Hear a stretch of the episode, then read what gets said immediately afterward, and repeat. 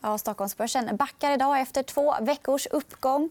Stora Enso redovisar svaga kvartalssiffror och backar 8% SCA som rapporterar imorgon faller mer ner i fallet och är ner cirka 3% Swedbank är också ner efter sanktionsprövning och resterande nordiska banker följer med ner i fallet. Idag ska vi försöka sammanfatta det här och också hela rapportperioden. Varmt välkomna till EFN Börslunch.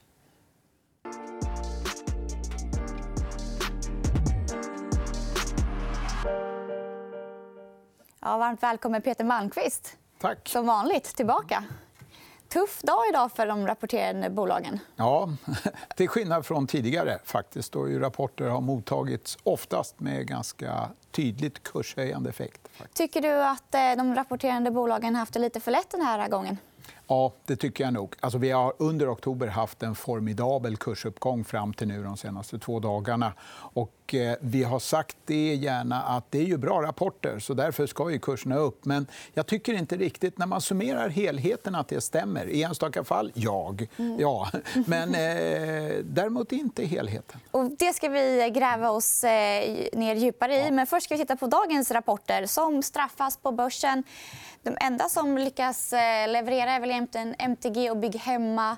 Eniro backar 30% Vi har eh, Stora Enso som backar ja, men nästan 8 som jag sa i början och OF som backar 6% Men vi lägger, oss, vi lägger det här bakom oss och eh, tittar lite tillbaka. För som du sa så har det gått ganska bra för bolagen. Men vi ska titta på din första bild som mm visar på vinstförändringen i årstakt. Och här ja. ser det ju faktiskt inte så bra ut. Nej, här kan man ju se då ända från 2011. Och när stapeln går uppåt då växer vinsterna och när den går neråt så faller de. Och då kan vi ju se då att den här sista stapeln är väldigt kraftigt ner. Det är 16% under motsvarande nivå för ett år sen. Då ska man också säga det att Ericssons skadestånd på över 11 miljarder Nordeas omstruktureringskostnader och nedskrivningar är huvuddelen av förklaringen till det stora fallet. Så om vi justerar bort för dem, då, hur ser det ut då? Ja, då har vi en graf här. och Då har jag justerat inte bara det dåliga utan det även det extremt bra också under alla de här åren. Och då kan vi se att utvecklingen är lite svag. Alltså det är ändå fallande vinster, ett par, tre procent även det här senaste kvartalet. Och vi kan se att det började eh, under det första kvartalet. Min tolkning av det här, utan att ha gått igenom alla rapporterna, det är ändå att det, det, är bra efterfrågan fortfarande. Det är inte det stora problemet. utan Nu är bolagen inställda på rationaliseringar, effektiviseringar. Och då kommer det allt fler bolag. Omstruktureringskostnader, neddragningar, en och annan nedskrivning. Och så ovanpå det har vi då Ericssons gigantiska skadestånd. Så att mm. säga. Så att, Även om jag tar bort de mest extrema så är det alltså lite svagt. Jag skulle skylla det, eller hur man nu ska uttrycka det, på att bolagen nu tar tag i det som de kanske borde ha gjort för ett par tre år sedan. Också. Mm. Men vilka, vilka bolag är det som du har tagit med här? Är det OMXS30 eller är det något annat index? Här är alla rapporterande storbolag. Mm. De ska vi säga 40-50 största som hittills har lämnat rapport. Och det är så pass många så att det är ganska säkra siffror. Jag kan säga Även när jag då väntar ut alla de stora bolagen så kommer inte det här ändra sig. för att De absolut största har levererat redan och ett flertal av dem är relativt stora. Så ur det perspektivet trenden känns ganska säker. Det är fortfarande lite vinstminskningar. Och även om eh, vinsterna har fallit så var det ganska väntat. Vi kan kolla mm. på hur det ser ut om man tar utfallet mot prognos. Ja. Ändå så har de inte lyckats leverera. Nej. Man, man ser då dels är en, en trendmässighet att vi ligger kring noll ändå, vilket indikerar att analytikerna totalt sett har grepp om utvecklingen. Just det här sista kvartalet så har vi minus 4 och då kan jag säga ja, även här kommer i det här fallet då Nordeas stora omstruktureringar och nedskrivning in och sänker. Det var oväntat medan däremot Ericssons skadestånd var ju känt i förväg så det sänker inte just den här kurvan. Men även här har jag gjort en justering för de mest extrema värdena då varje period. Och då kan man se att det blir av naturliga skäl lite mer jämnt mm. och mindre avvikelser. Och på slutet där så har vi ändå en viss negativ avvikelse. Så även om jag justerar för extrema så är aningen negativt. Men jag skulle ändå säga att analytikerna är lite on top of it.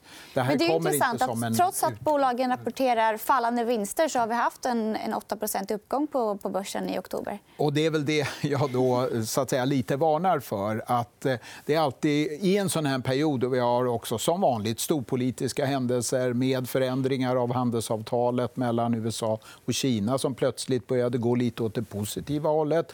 Vi har Brexit som... Eh, ja, är det positivt eller negativt? Ja, Kanske lite positivt i alla fall. Och så har vi rapporterna. Då skulle jag nog säga att eh, kursuppgången skulle jag nog mer tillskriva egentligen de här två första faktorerna än rapportperioden specifikt. Men som vanligt är det ju alltid svårt att särskilja vad som driver vad. Alltså. Men börsen vill väl titta framåt efter nya möjligheter? I ett sånt här läge som vi har med så enormt stora osäkerheter i form av Donald Trump överhuvudtaget och sen så Brexit så kortas gärna tidsperspektiven. Man blir säkrare i det kortare perspektivet och klart mer osäker som analytiker i det längre. Dessutom makroekonomiska storpolitiska händelser. Det är inte det en bolagsanalytiker älskar i grunden. Alltså, det är inte hemmaplan. Det är lite mer ekonomiska sekretariaten som sitter och jobbar med de frågorna. Så därför blir osäkerheten bland analytiker större. Och så stor osäkerhet som jag upplevt de sista två åren just inom de här faktorerna. Det har jag aldrig upplevt tidigare. Alltså. Men nu blir jag ju nyfiken på vilka sektorer som har klarat sig bäst och mm. sämst. Jag tycker vi tittar, vi, titta på, vi tittar på det mm. också.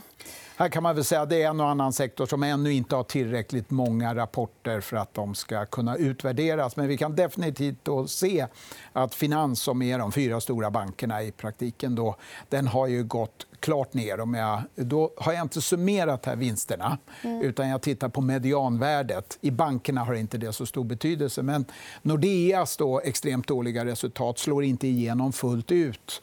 Eh, men vi kan ändå se att vinsterna i eh, bankerna går ner. Alltså. Och det har varit lite sluttande. Sen är det omstruktureringar helt plötsligt i stabila Handelsbanken. Ja, då höjer man ju verkligen på ögonbrynen. Vad ska man uppleva härnäst? Liksom omstruktureringskostnader. Sånt är eh, livet nu för tiden på marknaden. Att nästan alla bolag håller på på det sättet. Så att, ur det perspektivet, nej, bankerna går faktiskt sämre än tidigare.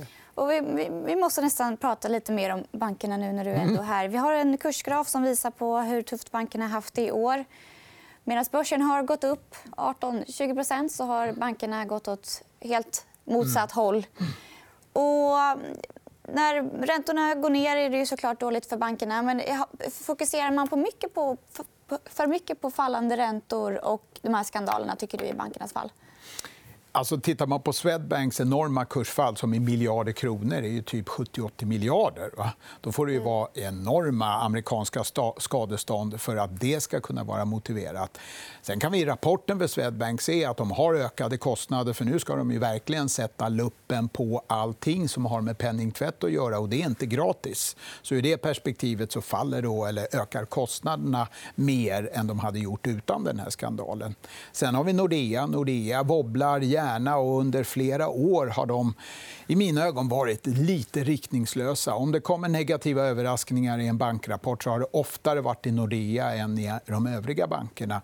Så jag är inte så överraskad över att de fortsätter med ny vd och levererar stora omstruktureringar och nedskrivningar. Så ser det även ut i andra företag, så det vore nästan konstigt om det inte kom i Nordea.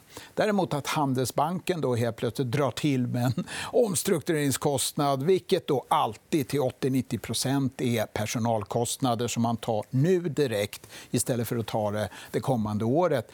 Jag vill minnas att eh, Nordeas nuvarande vd i princip åkte ur när han försökte lägga ner jag tror det var 64 bankkontor och deklarerade det i förväg. Det var liksom, nu var det kanske inte därför han åkte ut men det var skulle i alla fall en uppseendeväckande bit i rapporten vid den tidpunkten. Och det var liksom inte handelsbanksmässigt i min, eh, mina ögon. Nu kommer en sån här omstruktureringskostnad så även så att säga, denna fantastiskt stabila institution eh, ja, faller in i samma mönster som alla andra.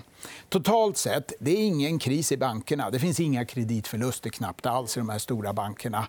Det lunkar på, men det lunkar lite neråt. Och det beror på att kostnaderna stiger lite snabbare än intäkterna. Och det, är, en omsvängning sista skulle jag säga, året. Men lite överdrivna kursrörelser?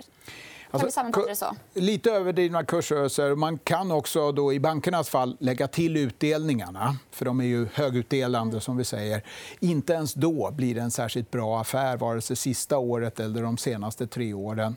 Eh, så att ur det perspektivet så nej, det är väl ingen som har blivit rik på bankaktier de senaste åren. Så enkelt är det. Alltså. Vi ska lämna bankerna, men innan det ska jag bara säga att EFN Ekonomikanalen ägs av Handelsbanken. Med det sagt så kan vi kolla på sektorerna igen och se hur det ser ut. För Jag vill prata lite mer om verkstad, mm. som i alla fall lyckas hålla sig upp. Men ja. det jag kommer ihåg, eller kommer komma ihåg från den här rapportperioden är ju starka rapporter från verkstad. Ja. Atlas, Alfa, Volvo mm. till och med backade lite i början men gick upp sen. Ja. Jo, alltså, när man tittar på de absolut största bolagen så blir det lite annorlunda än när jag gör en summering av inte bara de absolut största.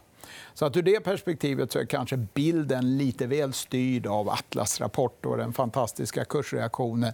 Eller för den delen Volvo som först går ner 6% och sen går upp 7-8 och så vidare. Så verkstad har ju stått i fokus. Och verkstad är ju den sektor som tjänar absolut mest på de här absurt Eh, konstiga valutarörelserna de mm. sista två åren.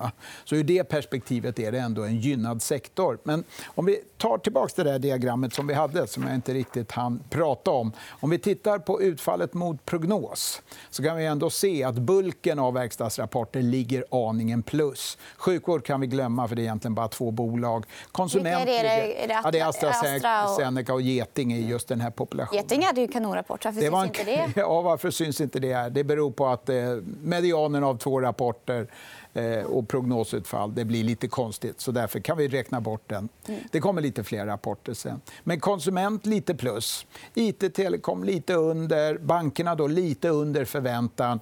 Service kan vi glömma, egentligen. medan byggsektorn lite över. Och det som överraskar här det är ju då att basindustri, där analytikerna verkligen förväntade sig riktigt dåliga rapporter, så att säga, eller fallande vinster i alla fall, där har merpart, eller fler än inte överträffat prognoserna. Och det är lite intressant, för där har det tydligen inte gått då så dåligt som man trodde att det skulle göra.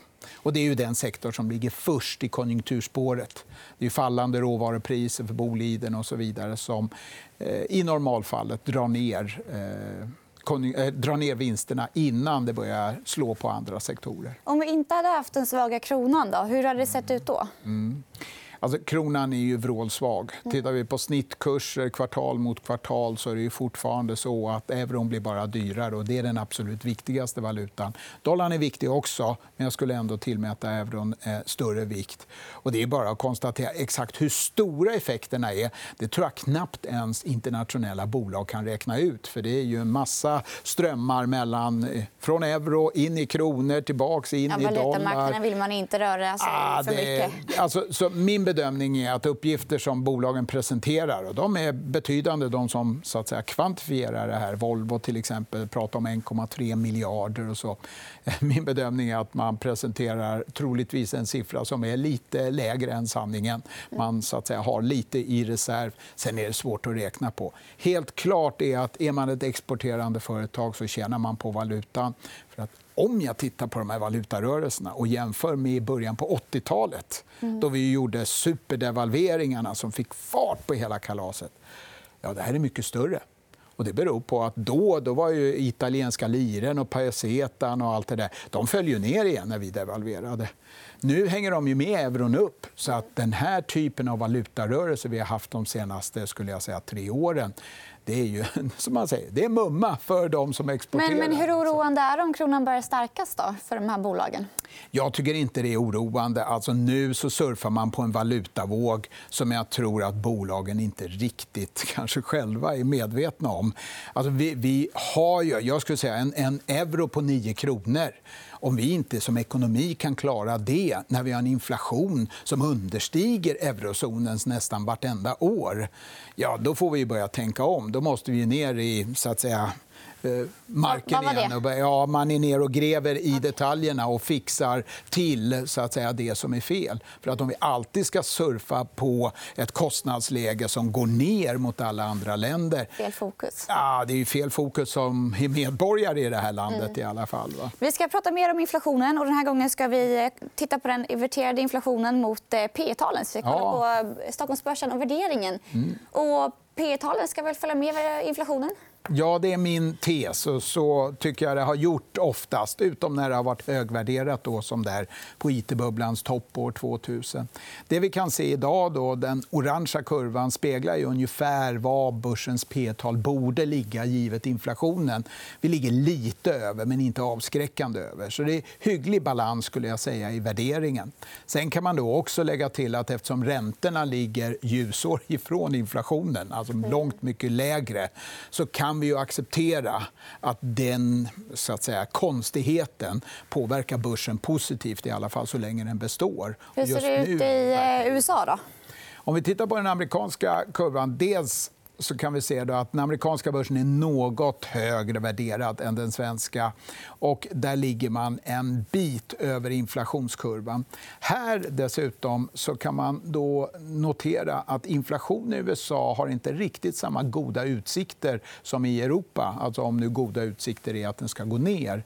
För amerikanerna har ett växande budgetunderskott. har gått från 2% av BNP till nästan 5% av BNP på 18 månader till följd av den här skattereformen som de genomförde. Och budgetunderskott är förr eller senare inflationsdrivande.